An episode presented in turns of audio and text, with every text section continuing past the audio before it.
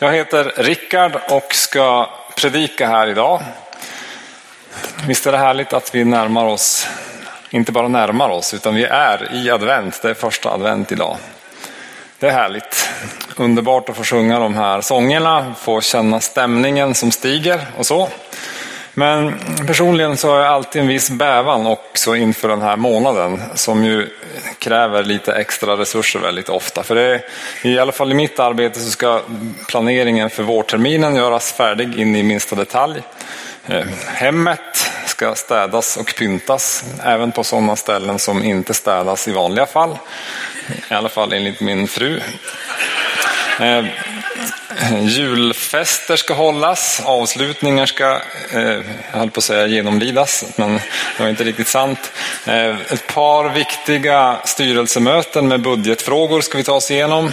Sen ska man laga mat och smaka på julkakor, det är inte så jobbigt. Eh, och så har jag en son som fyller år. Och sen jag är så oerhört glad att det kom lite sol igår, för jag kände hur novembermörkret hade sugit liksom all energi ur kroppen, så lamporna började nästan blinka här i fredags. Så någon timme med sol igår så kände jag att ja, men lite energi tillbaks in i kroppen. Och så det här idag, det är också en energiboost. Sådär. Men jag tror att vi känner igen oss i det här att det är en, en hektisk tid. Och samtidigt så ska vi också fira advent att Jesus kommer in i världen, in i historien och bryter in som det största som har hänt i mänskligheten. Det är inte så att han gör det varje år, utan han har gjort det en gång, men vi påminner oss om det. För det är goda nyheter att Gud bryter in på det sättet. Och det är det som också vi har satt som tema för den här månaden här i Korskyrkan. Att Gud bryter in. Och idag ska vi tala om att ha förberedda hjärtan. Sångerna som vi har sjungit här, det handlar om bered en väg för Herran, berg sjunken djupstånd upp och sådana saker. Och det är ju då det, det budskap som bland annat Johannes döparen ska komma med för att bereda väg för frälsaren som ska, som ska träda fram. Och det är där vi ska zooma in idag i förkunnelsen. Men jag vill också skicka med tanken till dig. Tänk om Gud vill bryta in i ditt liv också det här året under advent. Eller kanske idag. Och då är min fråga, är mitt hjärta öppet och mottagligt för det? Är mitt hjärta förberett på att Gud bryter in? Som för den här kvinnan vi hörde om i, i filmen. Att man bara vaknar på natten och så är Gud där. Jesus är där. Eller är vi för upptagna med alla chokladkalendrar och annat som vi håller på med? Det är kanske nu vi också skulle behöva Guds inbrytande i våra liv, mitt i den här julstressen. Och det är det vi ska tala lite grann om idag genom att gå in i en text i Lukas evangeliet i första kapitlet. Så om du har börjat den här bibelläsningsplanen eller kommer att börja så kommer du till den här texten. Så nu ska du få lite hjälp på traven med Lukas 1. Och vi läser från Lukas 1 från vers 5 och så ska jag stanna till i texten och göra några kommentarer. Men först ska vi be. Herre, vi ber att du ska tala till oss genom ditt ord idag. Vi ber att vi ska få se din sanning och vi ber också att du ska tala personligt till oss och förbereda våra hjärtan för vad du vill göra i våra liv. Amen. Lukas 1 från vers 5. På den tiden då Herodes var kung i Judeen fanns i Abias prästavdelning en präst som hette Sakarias. Hans hustru var av Arons släkt och hette Elisabet. Båda var rättfärdiga inför Gud och levde fläckfritt efter Herrens alla bud och föreskrifter. Men de hade inga barn eftersom Elisabet var ofruktsam och båda var till åren. Till åren är lite svårt att veta vad det betyder men antagligen var de väl mellan 40 och 50 för det börjar vara lite för sent att, att få barn. Eh, Lukas sätter in den här händelsen i historien och det är viktigt att förstå att vad Jesus gör, eh, vad, vad Gud gör när han sänder Jesus är en historisk händelse som tar sin plats någon gång i historien. För Gud, när Gud bryter in så gör han det in i våran tid, in i våran vardag, in i vårat liv. När Herodes var kung i Judeen. Sakarias här, han är också en av 20 000 präster i Israel. Ungefär 20 000.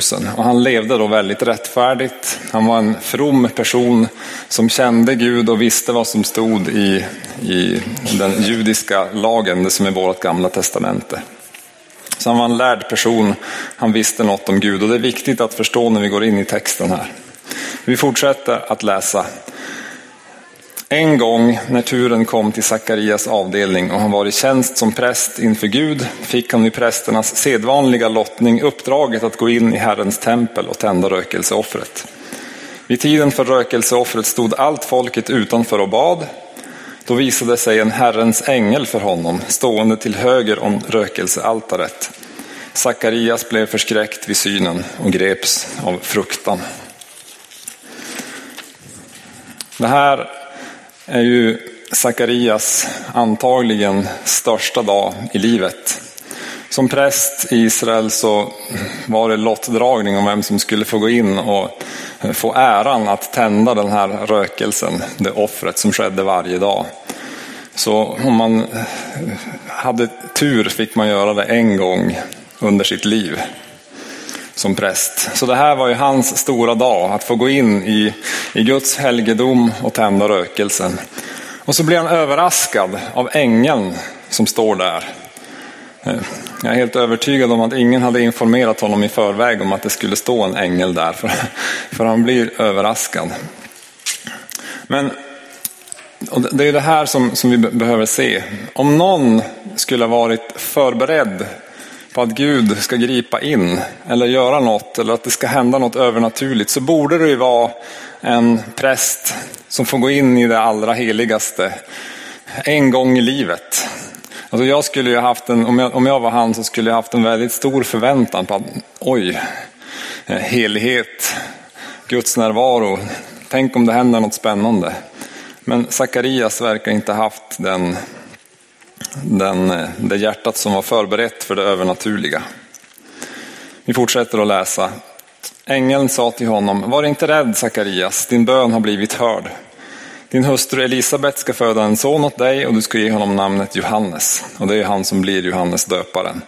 Han ska bli din glädje och fröjd och många ska glädja sig över hans födelse. För han ska bli stor inför Herren. Vin och starka drycker ska han inte dricka och han ska bli uppfylld av den helige ande redan i moderlivet. Många av Israels barn ska han omvända till Herren deras Gud. Han ska gå före honom i Elias ande och kraft för att vända fädernas hjärtan till barnen och ge dem trotsiga ett rättfärdigt sinne och skaffa åt Herren ett folk som är berett. Den här ängeln inte bara står där och skrämmer honom, utan han har ett budskap till Sakarias. Din bön är hörd. Tänk vilken upplevelse att få möta en Guds ängel som säger din bön är hörd, du kommer att få bönesvar.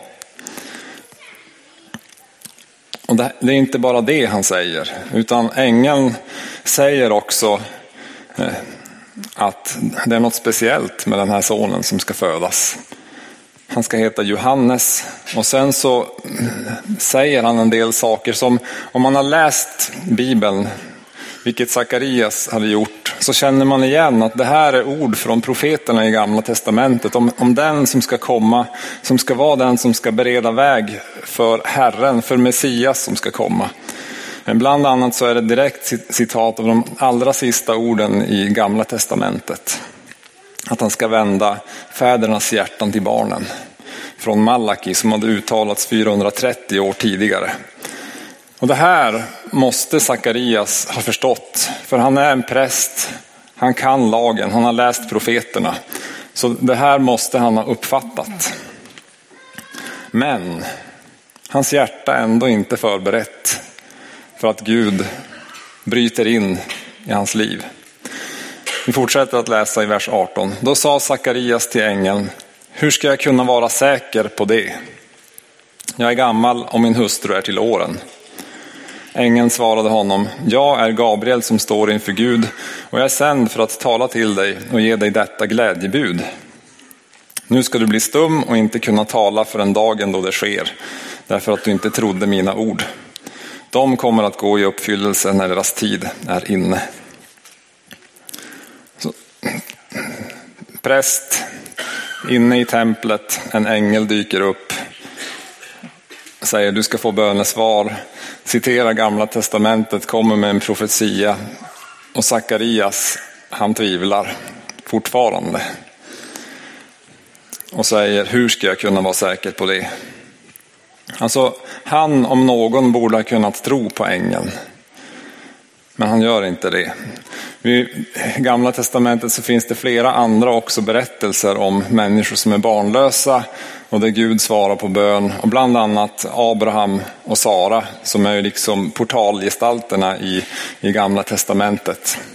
Som får en son på sin ålderdom för att Gud gör ett under. Genom, och, och de tror på det. Så Sakarias borde ha förstått att han skulle tro.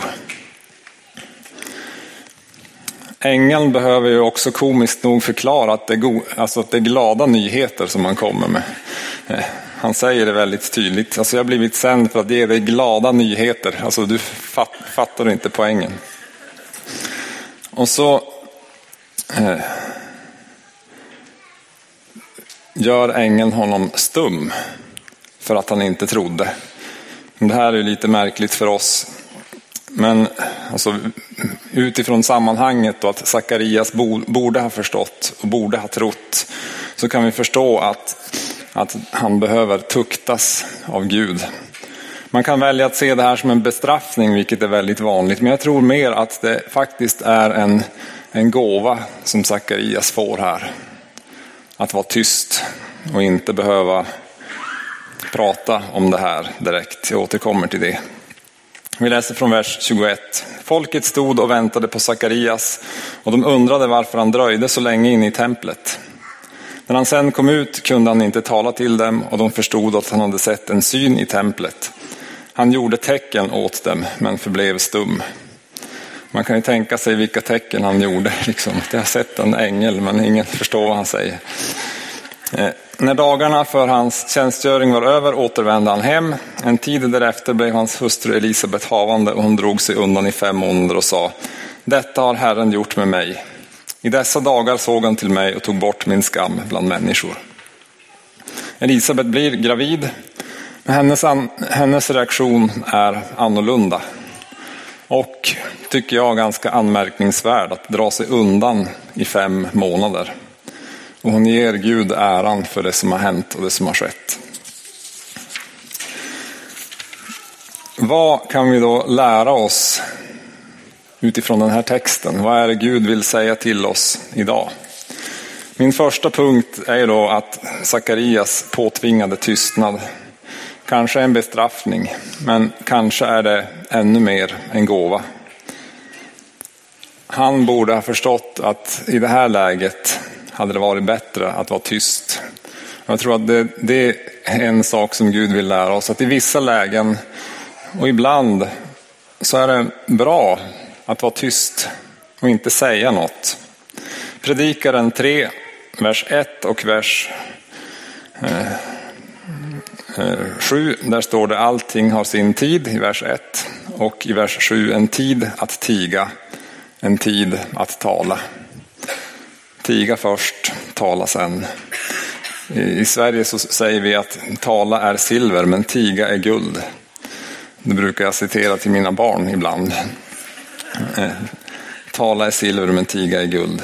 Och budskapet i det är ju tänk efter före. För ibland så vill vi bara börja prata. Och det här verkar ängeln tycka att Sakarias skulle ha förstått att nu säger jag något viktigt. Tala inte emot mig, prata inte bort det här. I Predikaren 5, och Predikaren det är en gammal bok som är en av vishetsböckerna i Gamla Testamentet som var väl läst litteratur på den här tiden och fortfarande talar till oss idag. Det står så här i Predikaren 5, vers 1, 2 och 5. Var inte för snabb med din mun och förhasta dig inte i ditt hjärta med att uttala ett ord inför Gud. För Gud är i himlen och du är på jorden. Låt därför dina ord vara få. Drömmar, kom, drömmar kommer av mycket arbete, dåraktigt tal och många ord.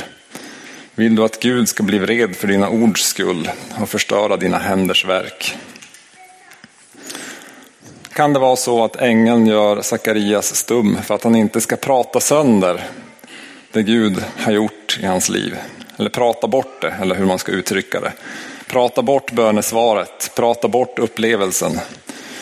Alltså, man kan tänka sig att Sakarias skulle komma ut och säga, alltså jag hade en sån märklig upplevelse där inne i templet. Det var en jättestor ängel som pratade med mig och som sa att eh, min son, som jag inte har och som jag aldrig kommer att kunna få, eh, ska bli en profet som bereder väg för Herren.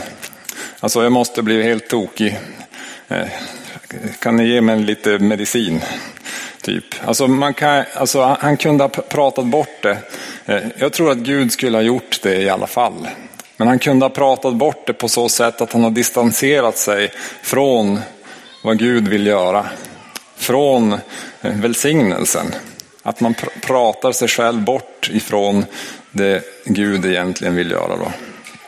Det andra anledningen till att jag tror att han också får det som en gåva att vara tyst är att ja, men det är lätt, ett, ett annat scenario alltså är ju att han skulle eh, ljuga. För det är väldigt lätt när man talar att man snärjer in sig i lögner.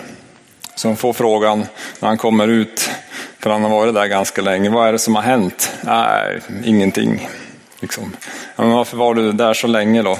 Eh, ja, för att det var så väldigt eh, vackert. Och så liksom snärjer man in sig i, i lögner som också gör att man distanserar sig från. Och ni vet hur det är med lögn. Om man säger en lögn så kan man, måste man ofta också säga en till och en till. Och till slut så har man sagt så många saker som man inte ens själv vet vad det egentligen var som hände från början. För man börjar tro på det man själv säger. Och där blir ju orden en fälla som vi själv kan, kan ramla i. För ungefär tio år sedan så var jag ännu hesare än vad Katarina var idag. Och eh, ja, brydde mig inte så mycket om det. Så vi hade en sån här möteshelg med sång och musik och jag predikade och så vaknade jag på måndag morgon och hade jätteont i halsen. Alltså det värkte i strupen. Och när jag pratade så värkte det ännu mer. Så jag kände det här är inte bra. Så jag gick till läkaren på vårdcentralen och han lyssnade och klämde lite och tittade i halsen och så sa han, ja men du har överansträngt stämbanden. Du måste vara tyst i två veckor. Eh, du menar alltså att jag inte får säga någonting på två veckor? Nej, precis. Ingenting, inte ett ord, inte ens viska på två veckor. För viska sliter också på rösten lärde jag mig. Och det var ju en enorm utmaning för en pastor att vara tyst i två veckor. Så jag fick ju ställa in eh, någon predikan. Jag hade ett annat jobb där jag jobbade också på Trafikverket så jag var tvungen att sjukskriva mig. Göra en del jobb hemifrån men mestadels var sjukskriven. För man inte kan prata så, så är det väldigt speciellt att jobba kan man säga. Men det här var ju något som jag lärde mig något av. För man kan kommunicera massor utan att använda ord. På två veckor blev jag eh, mycket bättre på att uttrycka mig med kroppen, med kroppsspråk och kunna bara visa vad man tycker med ett leende eller med att sänka ögonbrynen och alla sådana saker som man kan göra. Och man, man börjar också sortera, är det här viktigt att säga eller inte? Behöver jag verkligen säga det här? För om man ska plocka fram en whiteboard och skriva allt man vill säga så väljer man sina ord bättre.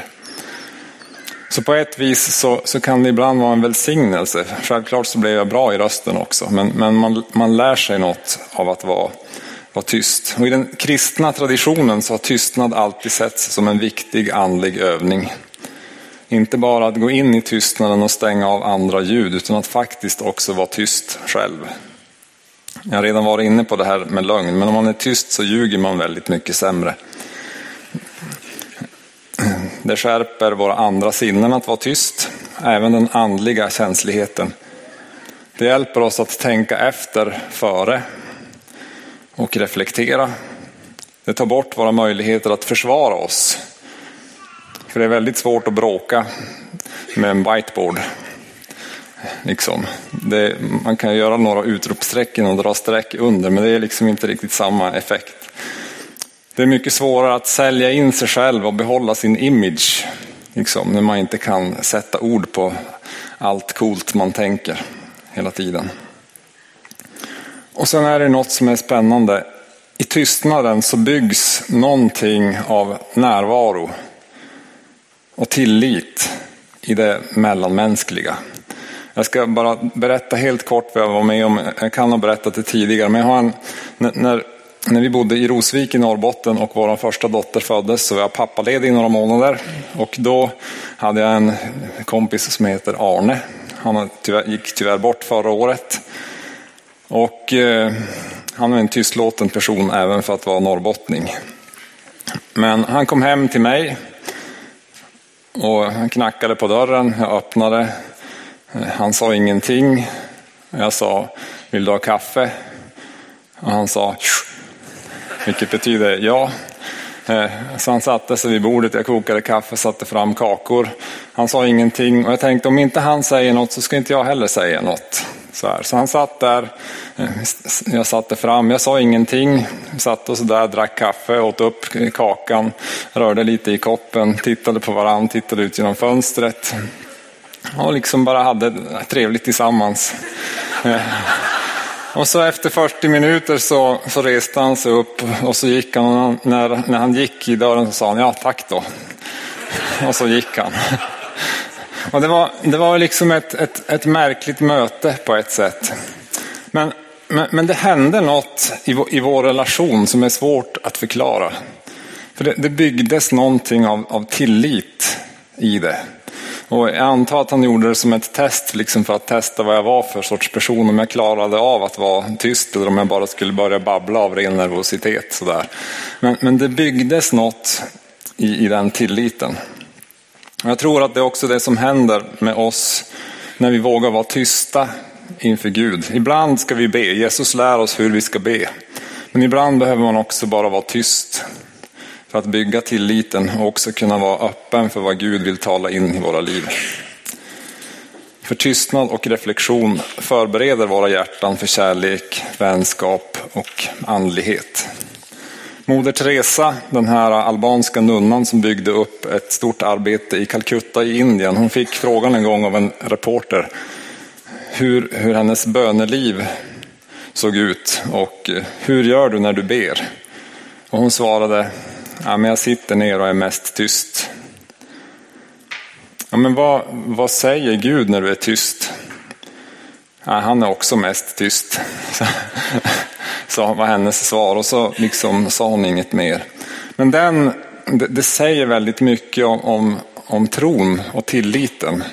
Att också våga vara tyst inför Gud, även när han är tyst tillbaks. För i tystnaden så, så kan det också finnas något av stark närvaro och gemenskap. Mina far, min pappas farmor och farfar, eh, de levde när jag var barn. Och när man kom in i deras stuga så tickade klockan på väggen och de satt och gungade i varsin gungstol och sa inte så mycket. Men man märkte att det fanns en gemenskap och en värme där. Och jag tänker det här är något som, som vi behöver hitta i våra liv. Och det här ska, vi inte, ska man inte se som ett, ett krav. Liksom, ska vi liksom vara tysta här nu hela advent också, hur ska det gå till? Utan mer bara att, att, att, att ja, men en inbjudan. Att stiga in i Guds närvaro och låta Gud få, få, få fylla rummet Både det fysiska rummet men också vårt inre. Och där kanske också tala till oss. Och jag tror att tystnad är ett sätt att förbereda sitt hjärta på Guds eh, ingripande, Guds överraskning, Guds tilltal. Frun Elisabet, hon eh, reagerar annorlunda. Hon är en förebild på ett annat sätt. För hon drar sig undan i fem månader. Avskildhet är också en kristen andlig övning. Eh, även om fem månader låter ganska extremt, tycker jag. Hej då, vi ses i slutet på april. Eh, väldigt få av oss har tid att göra på det sättet. Men hon verkar förstått det här som Sakarias inte hade förstått. Bli stilla och besinna att jag är Gud, står det i psalm 46. och 11. Besinna, inse, förstå, uppfylls av, eh, ta emot. Jag vet inte vilka eh, ord man ska sätta på det, men, men att besinna, tänka igenom i stillhet. Och från Jesaja, i Jesaja läser vi, om ni vänder om och är stilla blir ni frälsta eller räddade. Genom stillhet och tillit blir ni starka. Elisabet hon tar sig tid att förbereda sig för det stora som ska hända, att få ge liv åt en son som ska födas, en Guds profet. Och hon går undan och med, med också de här orden som, som, som kommer ur texten. Att eh, om, om vad Gud har gjort i hennes liv. Att Herren har tagit bort hennes skam. Fem månader är som sagt en eh, jättelång tid. Maria nämnde fem minuter. Det är kanske där vi ska börja. Att stilla oss, bestämma att nu hittar jag min plats, stänger dörren, försvarar tiden, försvarar territoriet. Eh, och så är jag tyst och stilla i fem minuter och bara låter allt det här andra försvinna. Zooma in mina tankar och känslor på här och nu och försöka se, är Gud här i rummet? Vill han mig något? Vill han säga något? Vad, vad, finns och vad händer i mitt hjärta? Det här kan ju vara jättesvårt i början. Det kan dyka upp saker i sin själ, eller i min själ och kanske i din också som, som är mörkt och kan kännas svårt. Men i grunden är det något gott att förbereda sitt hjärta för, för Gud genom tystnad och avskildhet. Den här predikan närmar sig alldeles strax slutet. Men det är som du förstår en inbjudan att öppna sig.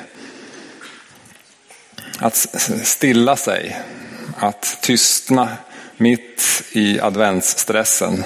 För att besinna, för att begrunda, för att tänka igenom vad det betyder för oss att Gud har brutit in i historien. Vad betyder det för mig att Jesus föddes i Betlehem? Vad betyder det för mig att Jesus levde? Vad betyder det för mig att Jesus dog och uppstod igen? Den här adventskalendern i Lukas evangeliet med ett kapitel varje dag är ju en, kan ju vara en hjälp in i begrundandet. Att läsa det, tystna, lyssna och försöka förstå vad betyder Jesus för mig?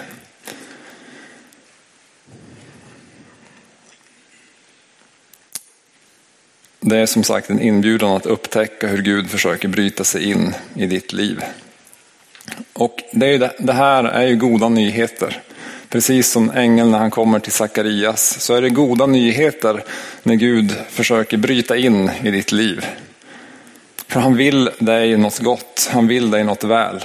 Elisabet och Sakarias de får bönesvar. Och hon säger, Herren har tagit bort min skam. Och det var, för det var, det var jobbigt, skamligt att inte få barn i den tiden. Mycket värre än vad det är idag. Men Gud vill lyfta av oss både skuld och skam och rädsla och kan göra det genom Jesus. Men då behöver vi också vara beredda att ta emot honom. Bibelordet säger i Johannes evangeliet i första kapitlet att åt var och en som tog emot honom gav han rätt att bli Guds barn. Åt alla dem som tror på hans namn. Att få bli ett Guds barn. Att få kliva in i den här relationen, närvaron, närheten till en Gud som vill mig väl. Som vill fylla mig med frid, som vill ge mig kraft och som vill rädda mig från det mörker som jag finns i. Det är det advent handlar om. Det är det den här gudstjänsten idag handlar om. Amen. Herre, vi ber att du ska hjälpa oss att se och förstå att du är god. Hjälp oss att ta den tiden vi behöver för att besinna att du är Gud, att förbereda våra hjärtan för, för ditt inbrytande i våra liv. Herre, jag ber också att du ska, att du ska komma. Vi ber att när, när vi stillar oss att du ska komma, att, du, att vi ska få uppleva, erfara att du är där. Jag ber också för mina vänner som lyssnar idag att de ska få uppleva ditt tilltal din röst in i sina liv. Jag ber om det i Jesu namn. Amen. Vi ska få lyssna på en sånggrupp så ska vi göra färdigt för nattvardsfirande. Varsågoda.